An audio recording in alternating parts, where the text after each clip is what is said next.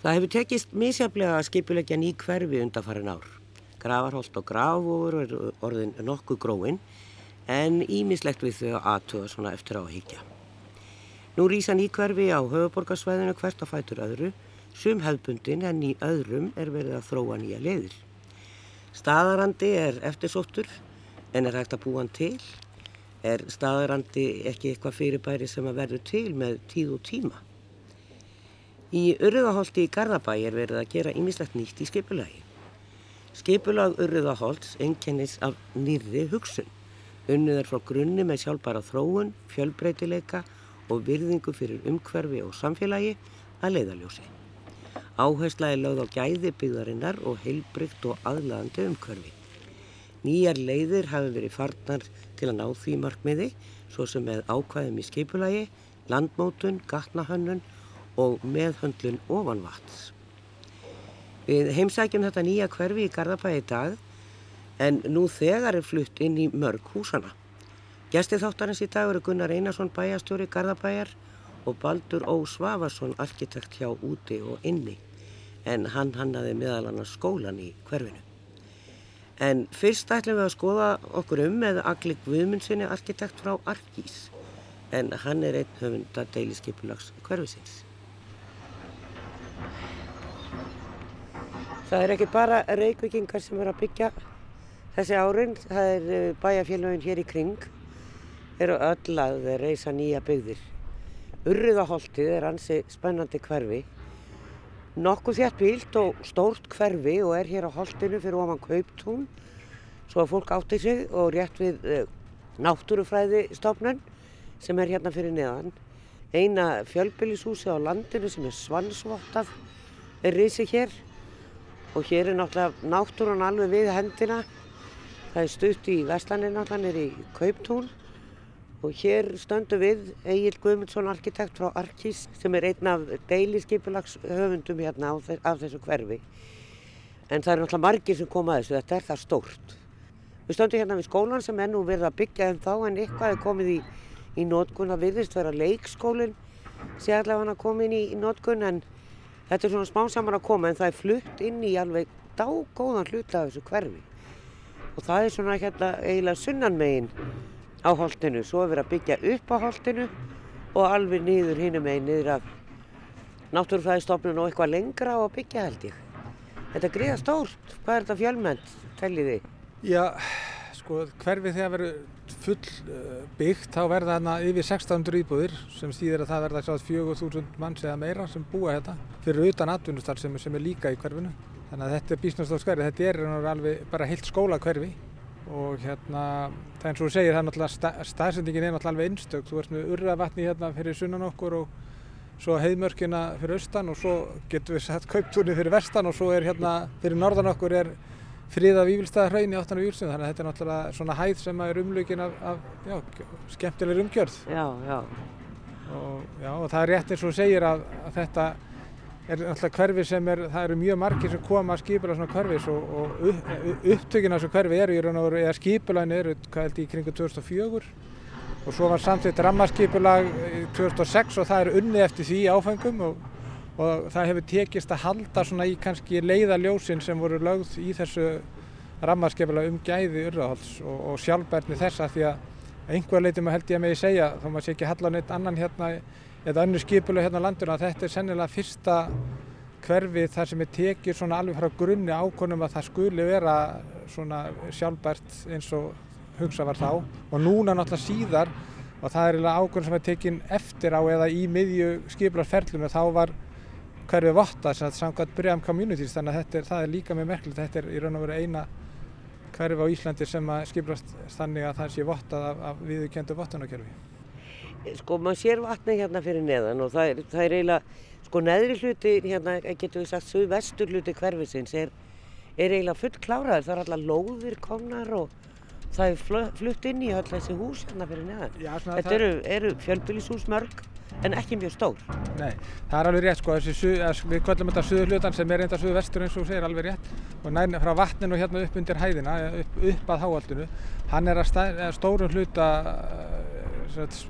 sérbílishús, þá einbílisraðs og parhús og það eru mörg þeirra byggð en þó ekki öll, ekki neðst við vatnið, þær eru staðstu lóðurnar, þær voru mjög stóra, þær hafa nú byggst kannski setna að þetta er samt allt eins og segir uppbyggingu og hverfi hérna svona upp á skólanu, það er nánast að verða full klárað og svo er bara hefur að í raun og veru farið, svona sagt, hvað getur við sagt, sólarsinnis umhverfis byggst hann upp að það hefur byggst norðanmegin og austamegin og enda svo hérna við förum og veru hring, byrjuðum vest, í vestri og endum í austri. Þannig, þannig er kannski uppbyggingin svona stóru hlutum. Það sem að, þú sagði mér nú, við skulum færa okkur aftur hérna í aðeins betra skjól. Það blæst alltaf hérna upp á holdinu, þetta er, Já, já. þetta er svolítið vindasamt hérna umfrá þegar það er austanátt. Þetta kemur hérna beint frá bláfjallum. Já, þetta er náttúrulega upp á hæð, við erum í Já. 80 metrum hérna einhvers staðar þannig bíl og Já. sjáum bara hérna beint upp í Bláfjöll og það er náttúrulega kannski gæðin í þessu hverfi liggja náttúrulega meðal annars í því hvað er, þú ert hátt uppi og með mikið útsýn en að móti kemur að það er náttúrulega vendarsamt, það er eiginlega óhjákvæmilegt. Já, en þá er kannski meira skjól hérna niður í dalnum. Já, já, það er mun meira skjól hérna neðar Já, og það er já. náttúrulega hefur verið lögða áhersla líka í skipulaginu að, að á lóðum þegar með fyrirkomlega húsásna þá mynd, getur mynda skjól og só, sólríkt útisvæði Já, og það held ég að sé nú að takast alls staðar sko. En við stöndum náttúrulega austan með skóla, þetta allt er rók hér. já, nákvæmlega. En e, e, óneitanlega fallegt um að litast hér á, á, á þessu svæði og öruglega gaman að fara í göngutúra hér. En e, þú sagði mér, e, þegar ég spjallaði við þig fyrir já, ábyggilega hátt í tvö ár, e, að, að með vatnið hérna, það var Já, já. svona doldið mikil pæling í sambandi við urðavatna, það var svona, það leit út fyrir að það myndi bara þotnu upp, en það var unni með það. Já, það, það er veru það sem kannski er, eh, má segja merkilegt við þetta hverfi er að strax í upphafi skipulagsins þá var, uh, getur menn fundu það, fundu, það upp í raun og veru eða áttu sig á því, ekki fundu upp, áttu sig frekar á því að hérna, að vatni myndir þotna upp út af þessari byggð sem raskar votlendinu við vatnið. Og þess vegna er unni með svo kallar ofanslausnir í, í hverfinu, vistvanur ofanslausnir. Þannig að það er vatn sem að fer af þökum húsa og af lóðum og af húsagötum það er leitt sagt ekki í, í lagnir út í, út í sjó heldur er það leitt í, niður af vatninu aftur og, og hreinsa þar og rennur svo út í urðavatn. Og heldur því raun að vera á lífi. Já, og svo er það vakta til þess að sjá hvort að hvort að það gangi ekki eftir. Og ég held að það sé að gerast. Að auðvitað á það eftir að sína sig í árunnar ás en þetta er kannski svona stóra eh, það sem aðskilu þetta hverfi gjörsanlega frá öðrum allavega Þetta sér maður á bílastæðunum meðal annars hérna líka, all flestum að það eru þannig að vatnið rennur niður. Já, það eru svo kvöldu gegndra bílastæði þannig að þú, vatnið þarf að renna niður og það er líka inn á lóðum, þú þarft að losna við vatnið niður og þetta er líka í raun og veru hagkvæm aðgerð vegna þess að þú losna þá við fullt af lögnum á móti og þarft ekki að búa til lagnir fyrir þetta, það rennur bara á, niður í, í raun og rennur bara vatnið niður í bergurinn og þaðan skilrar sér eins og hérna. En þú segir að það sé hreinsað áður það fer út í vatnið. Er þetta mikill búnaður eða Nei, það, hvernig? það er engi, svo- þetta, það er, nei, það er nú ekki hreinsað þannig, ekki með neinum búna, það er bara í raun og veru svona filtrering sem á sér stað, við getum kannski séð á eftir að svona, svona gönguleið ofan á smá upphækkun og það rennur bara í gegna, neini, þetta er allt náttúrulegt hreinsun og svo bara rennur það í gegn þarna út í vatnið. En er ekki mikið mengun af eins og til dæmis bara bílastæð? Jú, það er náttúrulega einhver mengun af sannlega bílastæðum en, en þú, ég held að maður geti aldrei komið í veg fyrir mengun en, en það er allan að vera að draga úr henni eins og hægt er. Það er kannski málið. Og það er það fylst með lífríki urriðavatn. Er, er fiskur í vatninu? Já, það heitir urðavatn.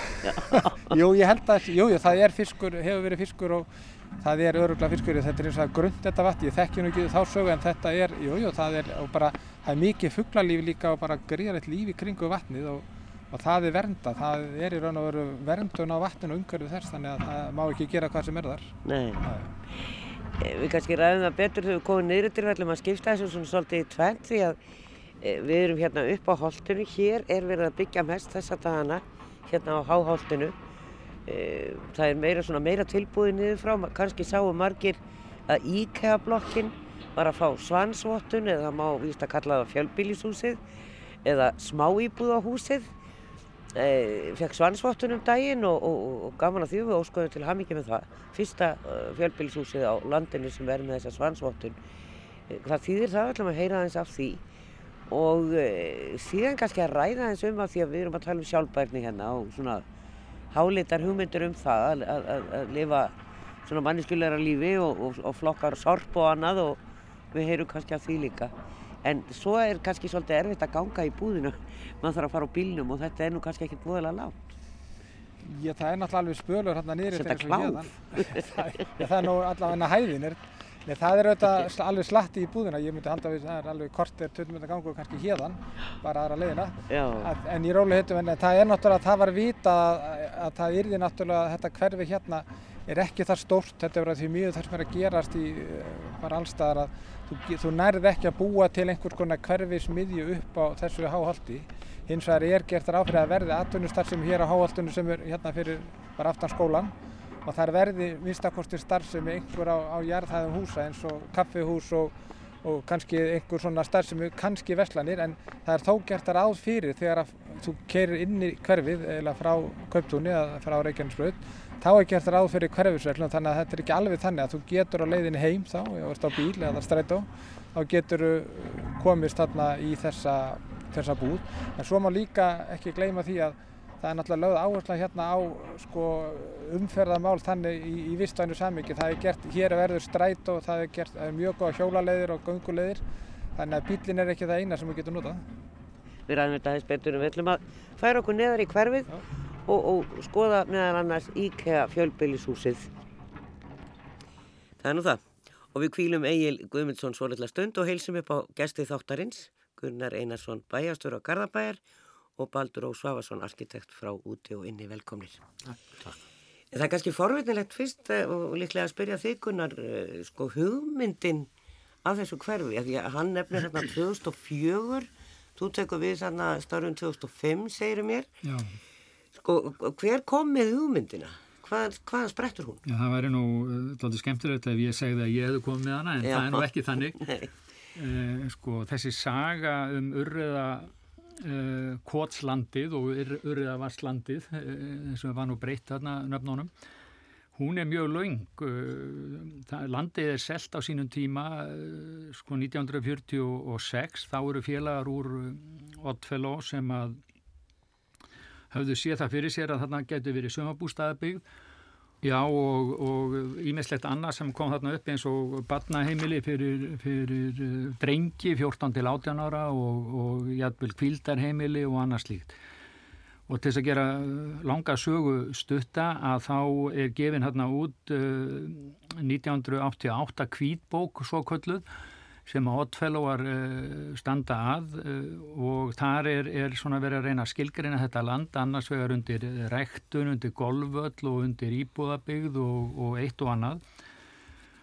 Og uh, þannig að, að og á einu, einu, einu augnablikinu að þá, þá voru þetta sem sagt áhaga fólk sem að vildi búa til hérna sumabústað og það voru flestir Oddfellowar en það var ekki inn í sjálfur í reglunni svo að það endar á, á því að, að að landið er gefið uh, líknasjónum hjá Oddfellow uh, og, og, og þá eru áfram einhverja hugmyndir um uppbyggingu. En síðan gerist það að um, kringum árið 2000 að þeir bræður Sigurður Gísli og, og Jón Pálmarsson hafa hugmyndur um, um svona nokkus konar þekkingar þorp eða þekkingar miðstöð í ætt við Kísildalinn í, í Kaliforníu. Eða Silikondalinn alltaf ég segja, já, já. ekki Kísil.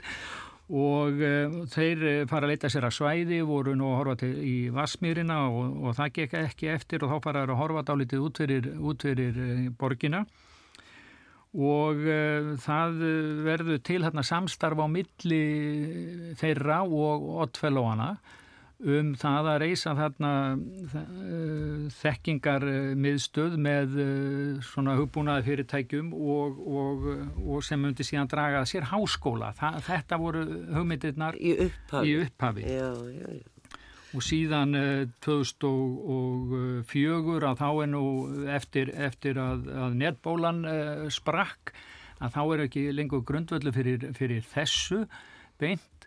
Og þá fara menna að hugsa einhverja aðrar áttir og eh, það fer þá að þróast þarna samstarfum að, að byggja þarna, já að fá þarna svæði undir Veslun og Þjónustu, IKEA til dæmis sem er kauptúnið.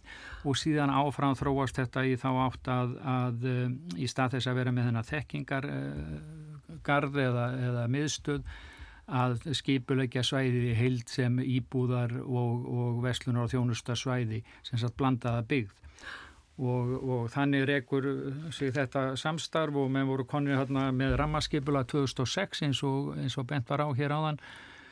Og, og uh, út frá því að uh, þá, þá ætluðu menn að fara að byrja hérna 2008 og það voru hérna 370 lóðir uh, bána til sölu sem fóru allar og þá kom hrunið þá stoppar þetta. Og þá stoppar þetta og, og uh, síðan uh, fer þetta nú aftur að stað og það góða við þetta allt saman er að, að þetta fyrirtæki, Uriða Holt EHF, sem var stopnað hérna í samstarfið þeirra, þeirra bræðra og oddfæloga, sem nokkur svona þróunafélag, stóð það vel eða var ekki skuld út að mann gáttu staði af sér þetta, þetta hrun.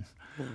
Og bankin eignaðist þarna fullt af lóðum Uh, og í samstarfi við, uh, við uh, Urriða Holti AHF að þá uh, fara menn í það að, að setja saman eitt félag til þess að eitt annað félag svo ég er nú aðeins að styrti í þessu að, uh, til að selja þessar lóðir aftur eftir 2008 og þá var gatnagerðin og allt klárt þannig að þetta fór af stað aftur í kringum 2010-11 og, og uh, á tímabili var, var það svo að þegar var skortur hér á höfuborgarsvæðinu að húsnæði að þá seldist mest í Garðabænum. Yfir 40% af öllu hús, íbárhúsnæði sem seldist 2016 var akkurat í urraðholti og það var vegna þess að menn voru tilbúinu með gatnagerðina og gáttu byrjað, byrjað strax. Já, það er nefnilega það.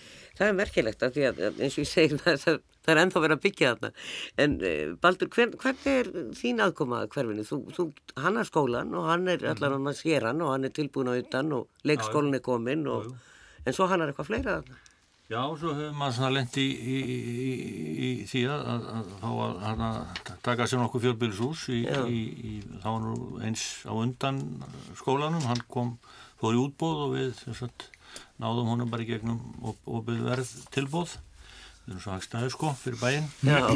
En er bæingur en hérna þannig að, að við höfum svona líka þá náða að setja okkur inn í þessa skilmála. Skilmála eru mjög sérstakir og, og að sumra mati mjög erfiðir og, og hérna en erfið getur líka verið kemtilegt þannig að hérna það er mjög gaman að glýma við þessi, við þessi hús og þessa sérstöku skilmála og það, og það hefur nú, það er ekki bara við það eru, sem, það eru nokkra stofur sem hafa verið mikið í þessum húsum þarna. þetta er ekki þetta er ekkit fjölmargir arkitektar sem er þarna vegna sem menn hafa viljað hengja sér þá á þá sem að kunna skipulagið og skilmáluna Já En það eru þeir sem kannski svona framkalla þess að þetta er aldrei skemmtilegu byggð. Hún er óvinnuleg eins og þú sagðir sjálf. Þetta er húsinstanda með nær götu en, en maður er vanur og, og það er greinlega áhersla þarna á að, að mynda götu rými þannig að þú sett ekki keira á einhverjum albyggi og það sé mílu fjalla í hvert hús.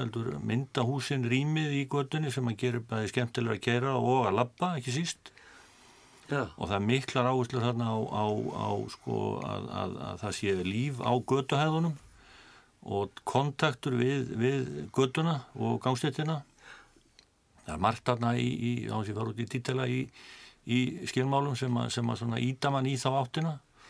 Það er náttúrulega fleiri hverfi sem hafa verið byggð svolítið svona sjálflandskverfið og bryggjukverfið og annað það sem þessi hugsun er það sem byggð, húsin eru byggð alveg aðgangstett og svo bara venjuleg gangstett og svo gatan En þetta er svolítið öðris og það er svolítið aðra kröfur hérna og ég veit að þú var stundum svolítið byrðaður yfir þessum ströngu skilmálum en það er náttúrulega líka þetta efnisval það er bannað að nota eitur, eitur efni út já. af þessum vassbúskap. Já, það er sko... Mátt... Til dæmis blí og annað. Já, syng og svona svo hafa mennur reyndar aðeins út að bakka með það svona í smáum stíl þó því að, því að allt efni, allt stál sem er utan hús, það er galvanhúða og það er syng þannig að menn á svona aðeins að svona sneiða svona vankantana af en, en það er ekki dólilegt við það í sjálfur sér. Þetta er, þetta er flókið og mikið verkefni. En, en það hefur alveg verið staði fast á öllum svona umhverfis þáttum þarna, mjög, mjög stíft og, og einmitt þetta eins og, eins og, eins og þetta eins og eigin nefnir með, með hérna vassbúrskapin það tók okkur smá tíma að skilja þetta sko, þetta leggja fyrir eins og tvisa þegar maður fattaði sko út á hvað þetta gekk Já. og þetta, þessu er fyllt eftir alveg nýður í einbílisúsin þannig að það er engin afsláttur það En er þetta ekki bara eitthvað sem við verðum að tilga okkur? Því að Jú. það er náttúrulega eru það eru lofslagsbreytingar og það já. er tala mikið um bara við þurfum að fara að taka á lífinu og lifa eins og öðru Já, já. Ég, ég held að það sé alveg rétt áður og, og, og ég sé þetta alveg smita inn í önnur skipul og ég heyru síðan í Garðabæja erum enn að tala um þetta í næstu áfengum í öðrum hverfum, nýri hverfum með ó, óbyggðum að, að menn muni taka þennan vaskbúskap til dæmis upp. Uh, en það bara er nöðsilegt allstæðar því að þetta vattar að það þarf að komast. Það þarf að komast og það þarf að fara sína leið. Við ætlum ekki að eða líka þá læki og stöðuvöld sem er í kringum okkur. Nákvæmlega. þannig að þetta er fallið hugsun Atvinnustarfsemist talaði eigin líka um hérna e, og eh, er bærin með einhverja hugmyndur um hvers konar starfsemi það myndi mögulega verða? Uh, já, ég vil nú ekki eitur efna smiðu en eitt slíkt. Það, það eru svona skilmálar í hverfinu sem að gera ráð fyrir bæði stopnunum og, og reytni atvinnustar sem við getum orðað þannig. En að því Baldur nefndi hérna áðan að, eða þú, að, að arkitektur væri doldið pyrraður yfir þessu hérna, þessum skilmálum að þá hef ég nú ekki hitt arkitekta en þá sem að hefur haldið sig innan byggingarits en, en uh, þetta er nú satt í gríni. En uh, þeir vilja þetta hafa ákveð, ákveði frelsi en það hefur tekist afskaplega vel að að, uh, að mínumatti að, að framfylgja hérna skilmálunum. Og það er meðal annars vegna þess að, að það er svona, hvað maður að segja einn yfir aðili, arkís sem að lesi yfir allar, allar teikningar og, og allar nálganir frá arkitektum og, og gefur okkur umsögn hjá bænum. Að því við viljum skapa ákveðin staðaranda og við viljum ekki tapa honum bæði varandi gæði húsa og, og eitt og annað. En að því við vorum að tala um líka skilmála að þarna eru til dæmis já og þessir, og þessir skilmálar hérna í hverfinu þessar umhverfis áhæslur það er smellpassa við okkar stefni í umhverfismálum það er ekkert sveitafélag sem hefur friðlýst jætt mikið á Íslandi og, og, og Garðabær, yfir 40% af landinu er friðlýst og þannig til dæmis nýjungvarðandi fimmvírakerfi sem sem að tryggja betra jarsamband og dregur úr ójöfnu flæði rama sem stuðlar betri nýtingur ráttækja og, og minka rammingun í umhverfinu. Þetta er til dæmis bara eitt lítið dæmi um það hvað er mikill metnaður lagður í hverfið. Við fórum hérna á sínu tíma, ég held ég að nú nefnta á þann já, út um allan heim þessir aðilar sem er að standa að þessu og, og um, fötur á bænum til þess að finna hverfi þar sem að hlutirnir, hlutirnir hafa verið í lægi og hafa gengið upp. Og, og það hefur ekki verið gefið neitt afsláttur af þessu. Ekki enþá og vonandi verður það aldrei. Þannig að, að við erum kannski að sjá þarna bara fyrirmyndar eina gæsalappa hverfi sem að við munum svo taka nótis af eh, við uppbygging og öðrum hverfum eins og Baldur kom, kom hérna inn á áðan til dæmi svansvottun og bremvottun því ekki að setja þetta sem skilmála annar staðar. Mhm. Nákvæmlega. Eh, við heyrum meiri ykkur eftir svolítið stundu, við ætlum að fara aðeins aftur með honum Agli Guðmundssoni, arkitekt á Urðuðahaldið. Ja, við erum komin hérna annar staðir í hverfi, við erum hérna við hliðin á náttúrufræðistofnun, við erum við þessa blokk sem hefur vakið aðtekli sem hefur fengið svansvottun sem að Eh, er að, að sumuleiti fyrir eh, starfsmenn IKEA sem er doldið sérstakt og er nýjung og fólk hefur svona talað um er það skynsamlegt eða er það bara mjög skynsamlegt að, bjóða fólki sem að vinnur í fyrirtækinu húsnæði. Þetta eru litlar íbúðir og með ágæti svölum og þetta hús er tilbúið núna og flutt inn í hlu, stóran hluta af húsinu sérmaður. E, við erum búin að vera að keira hérna um hverfi. Það er það stórt að að það er eiginlega ekki að svona ganga um það með góðu móti og ætla að taka upp viðtal og ná öllu inn. Þess vegna ætlum við kannski að tala hans um þetta. Hann er auðvitað með mér hérna Egil Guðmundsson arkitekt og arkís og það sem að tekur einna helst eftir að það er að húsin eru mjög mismunandi. Þetta eru fjölbílishús, rathús, einbílishús af öllum stærðum og gerðum og þau eru mjög svona bútuð upp og það er svona doldi, það er gaman að ganga hérna um því að það er heilmikið arkitektur hér á flestum húsum og ekkert þeirra er eins og hverfið verður þar með mjög fjölbreytt og gatnakerfið er einnig þannig. Þetta er ekki svona ferhind eins og við erum svona vön. Ferkantaði götur og, og, og svo kemur krosskanta og svo aftur meira ferkanta. Þetta er allt í bugðum og beigjum þannig að maður það svona öruglega að læra svolítið að rata hérna þegar maður flytur hérna inn í þetta hverfi. Og svo eru náttúrulega komið fullt af nýjum götunafnum þannig að e, það var lagt heilmikið upp úr því eiginlega þetta yrði svona já, mjög mismunandi. Já, já, já, það er alveg rétt að það var lagt, sko upphefar er að lagt upp úr því að reyna að skapa, hvað getur maður sagt, sérstaklega staðaranda í þessu hverfi sem er hvergi annar staðar á landinu þá og að það væri öðruvísun önnum hverfi og, og, og, og kannski íbúðar af þeir sem að vinna hér og búa og eru í skóla þeir myndu upplöfta sem svona bæinn sinn en ekki svona kannski bara dæmikett útgerð sem getur verið hvað sem er. Já. Þannig að það var pínulítið verið að, ekki pínulítið, það var bara verið að reyna að gera þetta alveg meðvitað og, og hérna ég held að það sé að takast að manni sýnist það svona og það er svo margt sem að, að því að það tala um sko þessi byggingar ólíkar, það eru, það eru náttúrulega byggingarskilmála sem fylgja þessu skipulæði sem eru að sumuleiti strángari heldur en kannski víðast annar starf og við höfum alveg fundið fyrir því skipulagshöfundar að stundum höfum okkur verið halvpartum bölvað fyrir að vera svona ströng á þessu. En við höldum að á endanum séum við að gera rétt og, og hérna fjölbyrðin er mikill og það er meðal annars lagt upp úr því að húsi er brotin upp að þú megir ekki vera með of langar beina hliðar. Það er lagt upp úr svona efnisvali það eru með að kröfur um vistvæn efni þar að, að þenn hátt að þú mátt ekki nota e, e, efni sem eru eitrandi til dæmis fyrir vatni sem að kemur frá húsunum og frá þökum eins og blí og fleira. Það eru margt svona og svo náttúrulega líka eins og þetta tala um gatnakerfi það er mjög mikið lagt upp úr að sem flestar götur séu ekki botlangur það er náttúrulega óhjákamlega einhver starf er að þá getur ekið yfir eitt í gegn. Og uh, það er lagt upp úr umferra öryggi mjög mikið lagt upp úr því þar gangandi að hjólandur að fara yfir götur þar verður unni sérstaklega með yfirborðið. Það er unni með uh, þessa bara blágrænu lausnir eins og ég var að segja þetta vistvæna Eh, í sambandi við vatnið það er að segja að, að, að við erum að skila vatninu frá okkur öðruvísi heldur en gerist og gengur vennilega.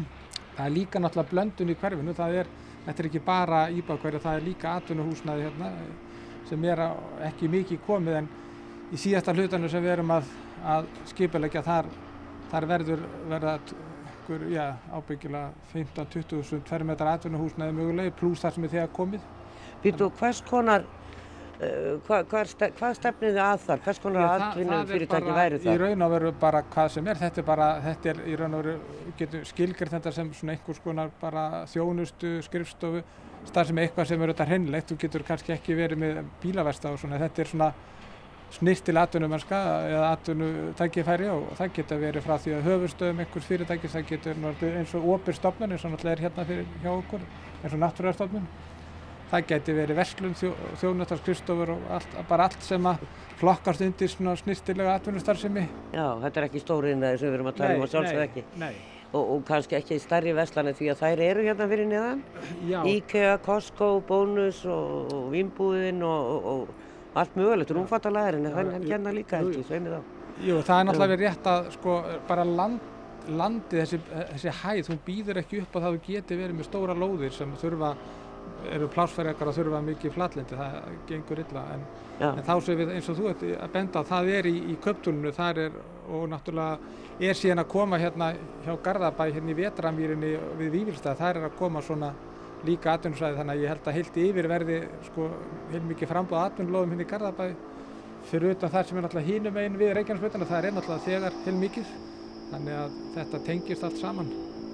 Eh, sko, eh, við tölum um hérna hreinsun á vatni og, vatna, og lagnakerfi sem er öðruvísi en við hefum gert hinga til. Eh, ég sá á þegar við vorum að keira hérna um eiginlega það eru svona gámastöðar nokkuð víða sem er, eru haganlega að setja niður, ekki bara sumstæðir í Reykjavík er þess að það verið kastað á vörupalli og það stendur einhvern veginn á gangstétt og, og, og ekkert, en hér er svona svolítið byggt í kringum það. Og það er hægt að setjast og býða ef það eru margir að koma. En hvernig er þetta inn í, eh, inn í húsan með flokkunarkerfi og annað? Það er sorpir flokka og það getur verið út á lóð eða þá inn í, inn í húsum, við getum skoðað svoleiðis dæmi og þá er þetta, þetta geta verið bara innbyggðarsorpskilur, þetta geta líka verið sorpskíli með þakki yfir þetta geti verið bara svona ofinn sorp svæði þar sem þú ert með, með svona veggi samskjólu, þetta er alltaf þarf að vera skjól. Og svo náttúrulega mann neitt að við erum hérna náttúrulega með það er dæmis að krafa rafhlæslustæði í öllum fjölbílusúsum Já, við erum, að, er, við erum að reyna að innlega hérna rafbílamenningu í, í hverfinu líka Það er bara e, Þessi svansvottun, nú stöndum við við þessa blokkir og það, hún var nú bara veikt fyrir ekki svo löngu síðan, bara rómri viku eða eitthvað slíð og e, og það er, e, það var vakin aðtekla á því í blöðum og annað og fólk hefur svo svolítið séð þetta hvað, hvað þýðir þessi svansvottun? Hvað er innifalið í, í því dæmi? Já, hérna lýsa það er rétt að bara húsið er nýlega votta, það var bara núni í mars, bara setjapartin í mars að Guðmundur Ingi Guðbrandsson umhverfisar auðlindar á þegar hann afhendi viðíkundingarskal til eigenda húsins sem er, er IKA eða eignararfélagi eigu IKA og þeir hérna bræðirnir Sigurðar og Jón Pálmarsnið tóku við þessari vottun. Og það fælst eiginlega, þetta er, þetta er norrann umhverfisvottun og uh, það er þannig að það er verið að taka tillit til í raun og veru, hvað getur maður sagt, hönnunar og byggingar og, og, og rekstushúsin og, og líka þegar að þú fargar í endan það er bara allt, allur lífsferill húsin sem við getum orðað að þannig. Og þetta er þá í raun og veru vottunarkerfi til þess að tryggja það að það sé unni eftir ákunnu viðmöðum sem að eru samþýtt Já, já, það, fólk þekkir náttúrulega þessar svansvottunum, við sjáum þetta á, á ja. það eru náttúrulega nokkuð fyrirtæki á Íslandi já, sem hafa svansvottun. Já, ég sé þetta já. er, er enn og bara sama kerfi en það bara gildi fyrir hús og þetta þýðir dæmis líka það að, að þeir sem íbúar húsins, þeir, þeir eru með handbók húsins um það hvernig að nota og, og hjálpa til við að spara orku, minga sorp og fleira og fleira. Þetta eru hérna einhverja 34 íbúar eða rétt inn í húsinu og það er minnstu eru bara einsæðbergi og það eru undir 30 en eins og bendir á með svölum og, og, og það er veru allt sem þú þarft. Og svo eru tveggja og, og þryggja ég minna að það séu eitthvað 65 þessar stærstu sko. Þryggjarbyggja sem er samt ekki stór íbúð og það er alveg príðilega maður er búin að skoða þetta allt og þetta er príðilega hérna, ég held að manni myndur bara líða vel hérna. Já, hverju sem er það, það er alveg hægt að búa í, í 50-60 fermetur með að vel hannan það, og þetta er allt spurningu um skipulag. Já, hann má líka segja sko, í þessu húsi er í raun og veru ekki verið að slá að kröfum gæði þess að bú í húsinu, það er bara rýmin eru minni og það er verið að reyta eftir haggamlu lausnum við að innrétta íbúður og náttúrulega í þessu tilíki og náttúrulega notaðar innréttinga frá IKA sem að náttúrulega er með mikla þekkingu í því hvernig við getur svona komið þessu fyrir hagalega. Já, nýtt plásið. Já, já, það er alveg stærð. Það var eitt sem hún sagði mér þegar við vorum aðgæðin hérna um að uh, grjótið sem að náttúrulega kemur heilmikið grjót er að vera að grafa grunna. Þetta er allt endur nýtt. Já, já, það er alveg rétt. Það, það er mikið sprengt hér útnáttúrulega fyrir bæði gödum og grunnum og, að, og meðal annars vegna þess að það eru kjallar undir öllum húsum og það er stutt í klöppina og þetta grjót hefur verið gemt hérna í, í haugum upp á hæðinu og svo er það mjög og endur nýtt og það er vistan aðgerð sannlega. Við komum líka að því upphafi að það er fjöldin allur af fólki og, og, og, og verkfræðingum, ráðgjöfum og ég veit ekki hvað, hvað sem koma að þessu. Hvað er þetta eiginlega þegar að vera að leggjast yfir svona framkvæmd og ætlum að gera eitthvað nýtt? Hvað er þetta margir? Svona ég, getur maður slegið á 10-15? Nei, miklu meira. Ég myndi segja að það veri ábyggileg við 50 manns, ég, þetta er bara gisk sko, sem hafa komið að þessu, þetta er náttúrulega líka það, sko, þetta er ekki bara þeir sem eru þá skiplas og hönnur og verkfræðingar það eru bara, ég get bara nefnt, það er náttúrulega var Breskar ákjáðstofa hérna, hún var í þessu, hérna heitir Jópi og, og Erik Holden var, það var norsk eh, verkfræðstofa í ofarslausnum, síðan var hérna náttúrulega íslenskar stofur eins og Arkís og Alta og Landslag, Ebla og strendingur, bara ég get haldið áfram sko, já, já. en þetta eru bara, þetta er hönnamenn og svo eru náttúrulega líka eigendunir hérna, það er að segja Urriðaholt eh, sem hefur náttúrulega tekið alveg markverðsan þátt í því að búa til þessa sín já. og sömulegis Garðabær hinn með frá þannig að þetta er í raun og veru sko kannski svona þessi þrýr líkil hvað getur leikendur getur orðað þannig. Það er náttúrulega sagt,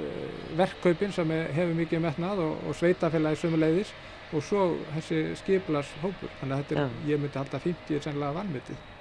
Og síðan allir arkitektarnir sem koma á húsunum hérna, þeir eru margir. Þeir eru alveg skipta tugum og verkræði náttúrulega öll, þetta er náttúrulega gríðalegt, ég myndi segja að það er, ég held að mig alveg segja að það er mikið hugvit og líka svona framsýni og ný hugsun í þessu körfi.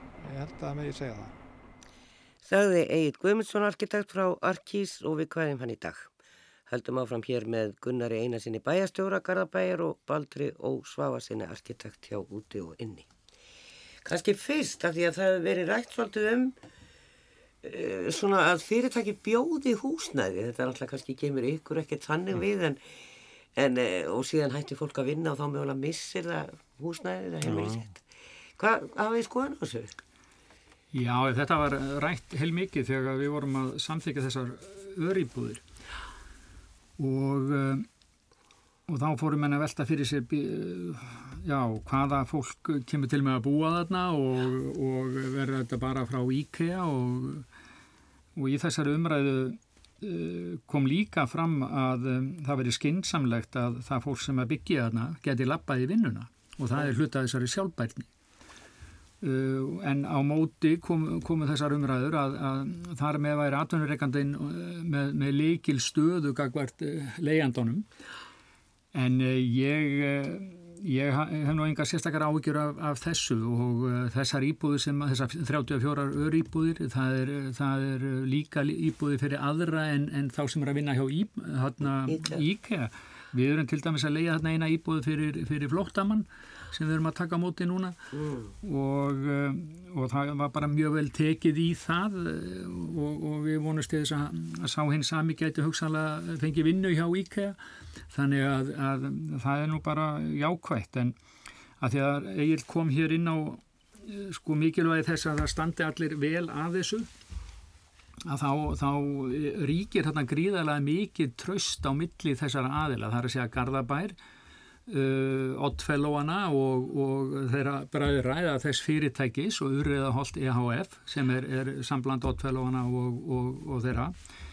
Og síðan allra, allra fagmannana sem að Egil taldi nú upp. Mm. og þannig er bara ákveðin koktel sem að, sem að er mjög góður aðilar sem að hafa svona ákveðina samfélagslega vitund að mínu viti, það, það, ef að menn hefðu vilja bara innan gæsala bara græða á hverfinu þá hefðu byggt Eh, upp í loftið 12 og 15 eh, hæða turna. En það ekki, var ekki nummer 1, 2 og 3 það var lagður gríðalögu metnar í að skapa hérna lífsgæði með, með margvísluðum hætti eins og hefur komið fram hérna. Og, og uh, þannig að ég er mjög ánaði með þetta samstarf og þessa, þessa samfélagslögu vitund sem að mér finnst endur speiklast þarna. Bara sem dæmi að þá borgar urriðaholt ákveði gjald á hverju einustu íbúð eða af hverju einustu íbúðar einingu sem að fer í að byggja upp innviðina eins og urðanhaldsskóla. Skil. E, er, það er margt nýtt og spennandi þarna en við vorum, hann var að tala líka svolítið og ég um, um gatnakerfið mm -hmm. sem ég þótt skemmtild að því að við erum svo vönd þessum fyrirningum í allum nýjum hverfum mm -hmm. meira og minna en það er nú svo langt síðan eins og Guðmundur Hannesson læknir og skipulagshaus talaði um bóknagötur og það ætti að taka hvað við og, já, já. og það væri miklu skemmtileg manni lífið miklu betur og það er einhver bóttlangar eða reynd að forðast á þetta var nú eitthvað sem að við fólk var eiginlega bara að sækjast eftir hér bara fyrir nokkrum árum að vera í bóttlangagötu kemur engi Skipulag þetta er þessu svo flokkaða gatnakerfi sko það sem er aðalbröð og tengibröð og hvað heitur húsagata það það, því er blandat alltaf skemmtilega saman hérna þannig að marga gutnar eru gegnum axtursguttur sem að gera það verkum að þú kemst á fleiri neitt vegu inn í hverfið út úr hverfinu til dæmis.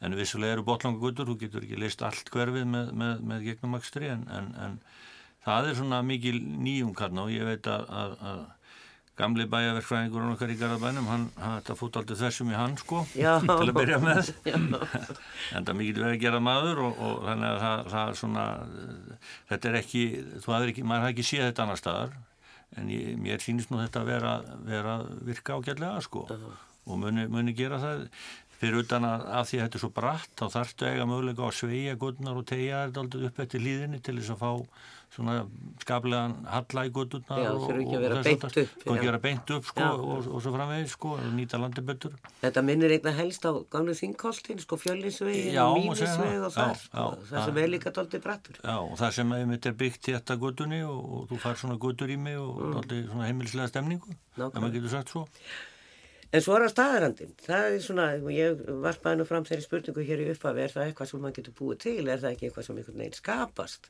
með tíð og tíma? E, þetta er eitthvað sem var samt lagt undir, en kannski þú fyrst bara baldur, er, er þetta búið til staðaranda? Góð spurning, það er nú mikið talað um staðarandan í, í, í dagum og hérna, eða gerni í slóki eins og þetta heitir á fagmálinu.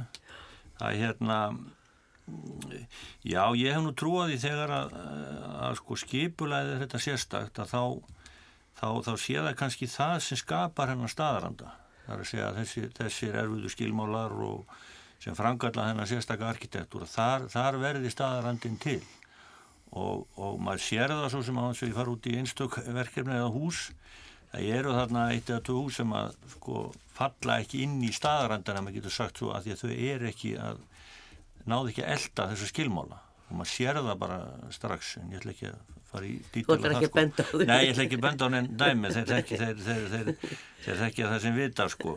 En, en, en það má líka þá koma inn á annan, annan hlut sem að sem að mér er nú hugleikinn, það er að, sko, ég held að þarna séu sko fleiri fjölbýlshús hann af arkitektum enn í mörgum öðrum hverfum vegna þess að það var nú tekið saman fyrir nokkurum árum að við arkitektar erum nú ekki ábyrgi fyrir nema, já þá að tala um 8, nei, 20% sko af íbúðarhúsnæði á landinu. Restin er hannað af, af ekki arkitektum, byggingafræðingum og tæknimannum sem hafa af ykkurum óskiljanlegum ástæðum sömu réttind og við en nú erum við komin út í pólitík sko. Já, en þú ert að fá arkitekt til að skrifa upp á Já, og já. það eru einhverju tilbúin til að gera það Já, já þeir, þeir hafa full réttindi sko. Já, já, nákvæmlega. En, en hvað segir þú um staðaranda? Já, sko, já, ég ætla nú að bara hafa samlíkingu hérna við, við eh, ef maður er að bóða í, í veislu eða gott parti þá, þá er sagt að þú voru að hafa sko kerti, þú voru að hafa góða músík og, og góðar veitingar og, og skemmtilegt fólk að þá eru veislan góð Já. og á sama skapi segi ég að, að um, til að skapa staðaranda þá þarf auðvitað skipulag og, og allt það eins og við höfum verið að ræða en það þarf líka að hafa þjónustuna í góðu lagi og það þarf að hafa fyrirmyndir uh, og uh, þegar þetta kemur allt saman uh, hvernig, hvernig uh, hvernig líður þér með þjónustunum sem bæjarfélagi er að veita sem dæmi, við erum til dæmis í þessum könnunum, því þjónustukönnunum hjá 19 stæstu sveitafélagum á landinu eh, yfirleitt eh, og alltaf í fyrsta sæti í leik og grunnskóla og, og hvað við gerum fyrir barnafjölskyldur og svo framvegis. Allt spilar þetta ákveðna, ákveðna rullu, getur við sagt.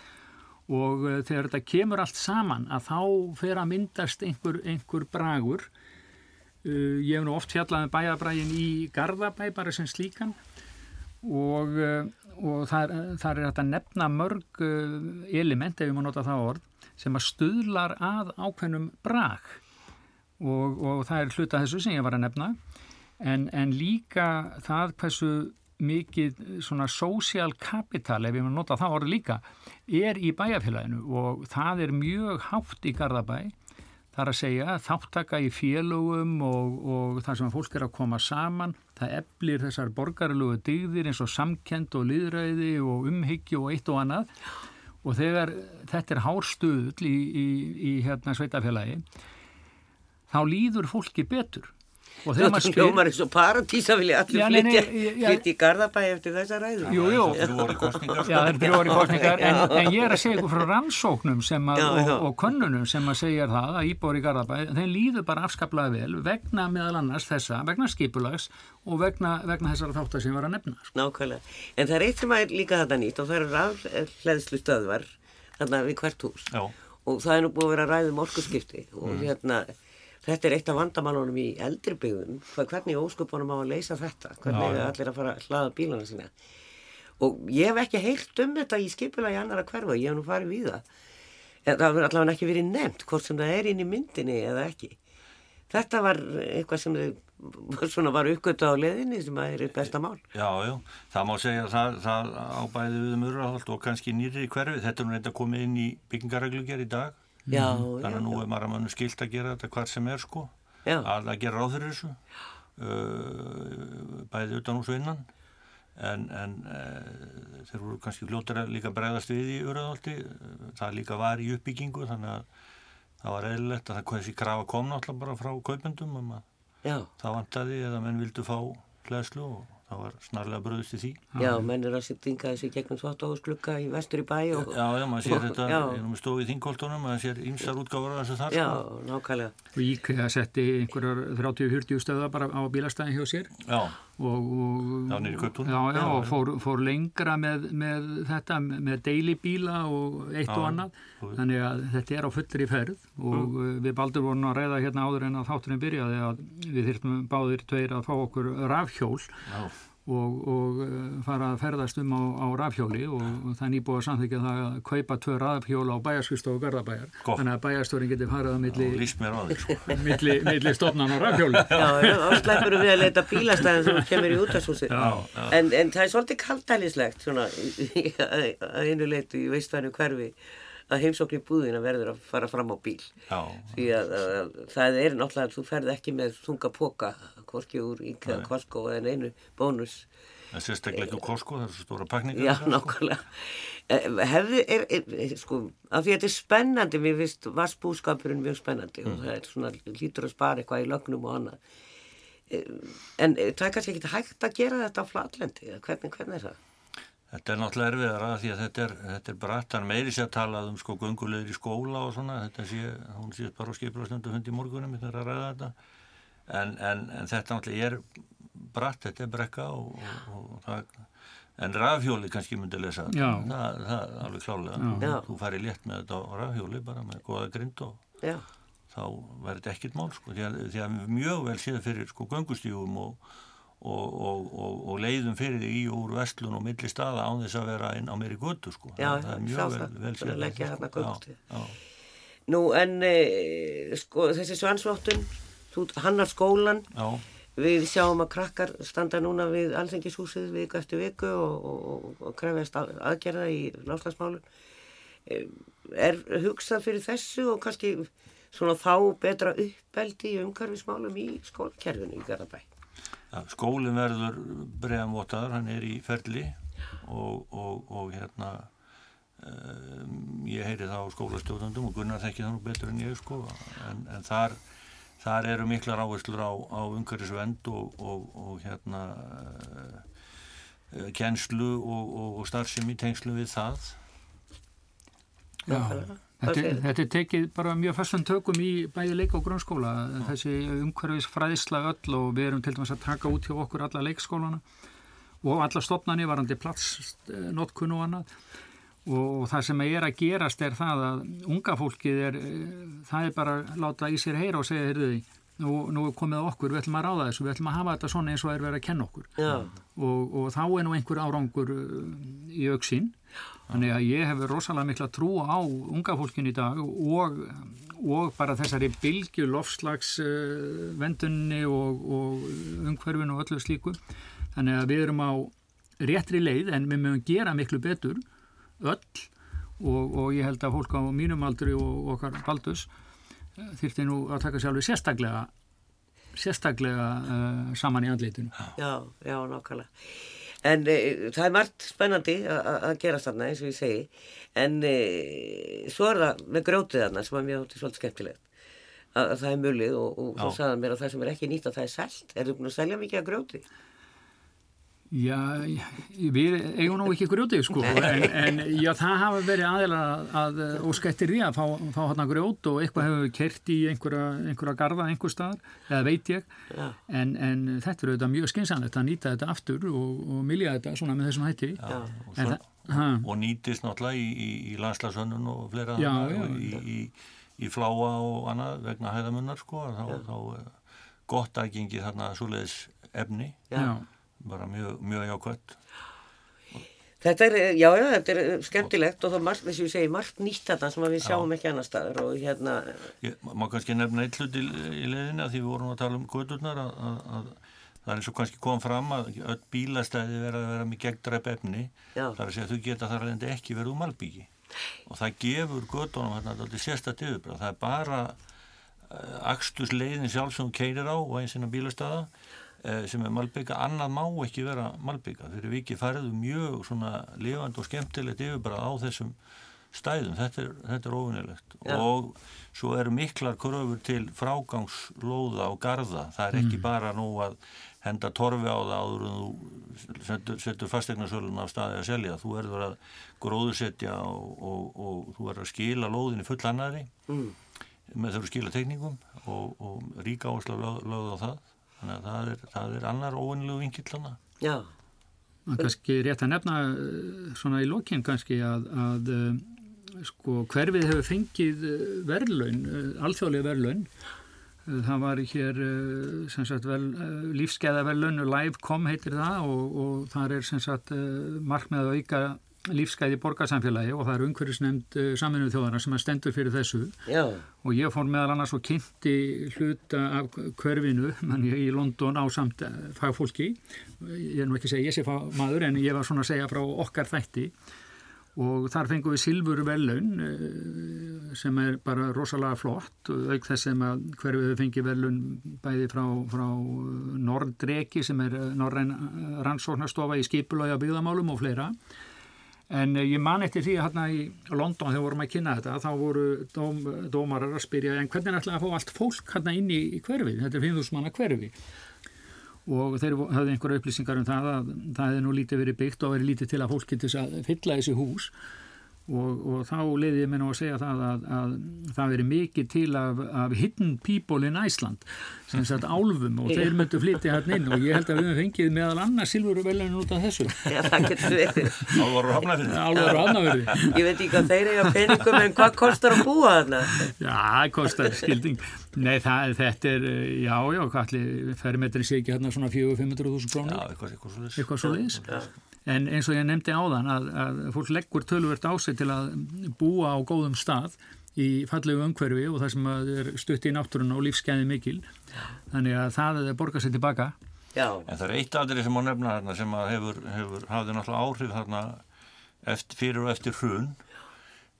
Fyrir hrun þá voru þarna áallar alveg gríðarlega stórar sko, íbúðir í fjölbili allt upp í 300 sko, fermetra íbúð í, í, í, í blokk. Það vil ekki búa svona stórt lengur. Nei, og það tók náttúrulega tíma fyrir, fyrir yfirvöld og eigendur að vinda svo hana því og, og, og við hönnur hefur nú verið að íta á eftir því en núna að, að það séu það séu frekari möguleika til að gera minni íbúðir hérna en, en, en, en bara stórar íbúðir og, og svona Mér sínist nú bæjar að vera að horfa alltaf í þá áttina núna með líka húsinu og, og vonandi fá fleira að koma að því líka.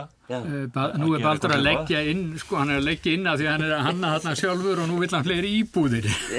það, það hafa verið þarna svona, eh, menn, menn er náttúrulega að glíma þarna bæði við byggingareiti og annað og byggingamagn þér er ætlað að skila ákveðnum íbúðfjölda eftir ákveðnum byggingamagni. Já og þú farið ekki að bæti í þó þú sjáir mögulegan Já, en það er náttúrulega átt bara að skila þessum íbúðafölda og punktur sko. Er ekki eftir að segja að svo mingar íbúðina um einhverja fermetra þá ertu í rauninu með sama byggingamagn Já, þú bætir við íbúð þá því þú ert með byggingamagnin sem þú vilt nýta eða því mann er búin að kaupa þessa fermetra Oft spurning um bílastæði líka sko. Já, þú þarfst að geta leist allt í leiðinni sko. en, en, en þessar áherslu hafa breyst síðan í hrununu þessar, þessar áherslu í svona stórar íbúður í fjölbili það er hafa bara breyst eins og menn að leysi fjöl, bara í fjölmiðlum Já.